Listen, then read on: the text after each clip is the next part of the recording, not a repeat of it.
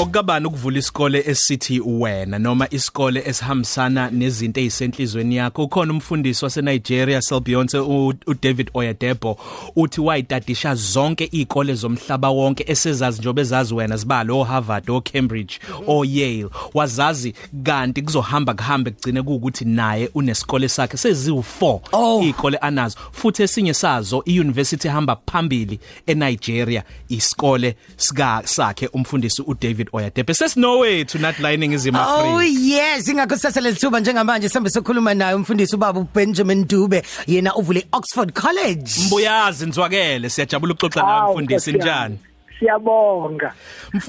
mfundisi siyaphila baba. kunina. Angivusele nokhozi man. mfundisi thina thina sikubheke emculweni sikubheke intshumayelweni usuzovula isikole kuhlanganaphi Hey wesiya uh ukhuluma iqiniso ukuthi ke umsebenzi uNkulunkulu awenzayo you know ngami yamangaza well, you know because angizange nithi ngiyayishela lento le ukuthi ke ibe ngalendlela ibe ngakhona. Okonke ngithi ke lokhu mina bengikwenza bengiyenzela lokhu ngenza lokhu uNkulunkulu akhe ngikwenze kanti futhi ngikwenzela ngisho nabantu bakhe.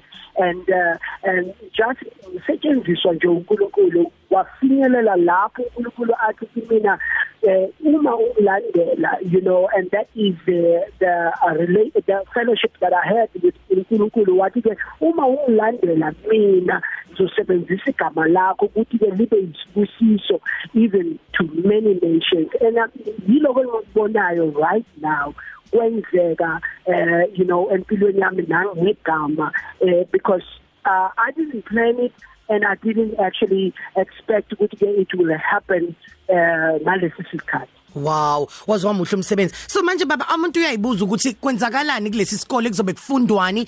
Abanye bengabuza ukuthi ngabe kuzobe kufunda syllabus le ejwayelekile yini? Mhlawumbe art school mhlawumbe public speaking school kwenzakalani? Kungani? Um, i- ilona Benjamin Dube Oxford College.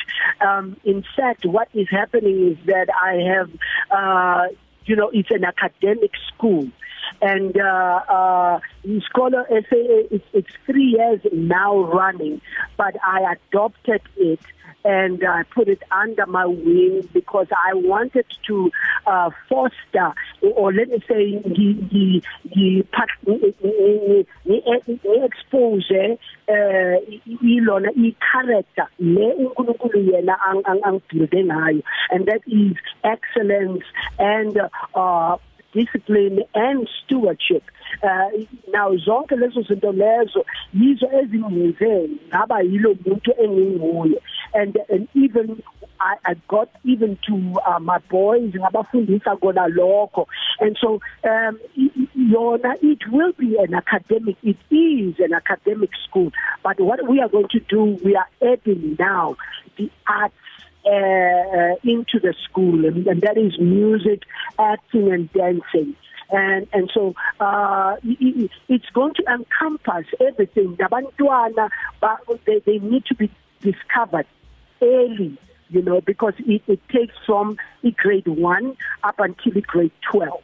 So we are really building this up so that the community yethu it can grow to be a community that is excellent mm. and that has discipline and at the same time that would serve our people and serve the nation. Ngamanye amazwi insike ezintathu eyokuyimisela eyokweluseka kanye nokuziphatha. Okugcina mfundisi okugcina sesivalelisa. Ngabe kuqalwa nini ofuna ukuyofunda kulesi sikole? Angenza njani noma sekugcwele? Nokuthi khona ini la uzobufundisa khona yini wena mfundisi? Lecturer Dube. Mina I'm coming in when coming to music and I'm coming in especially when coming to mentorship. Uh, uh, and at the same time uh, you know there will be other people abazobe befundisa we are looking for teachers uh, music uh, teachers who do theory uh, for uh, ama, ama learners and ama students ethu and at the same time of course we are looking at changing the face of the of, of the college uh, we are bringing in even other uh, um, meaning educators into the school. But above every other thing, I would like to say that everybody is welcome, and especially for our high schoolers.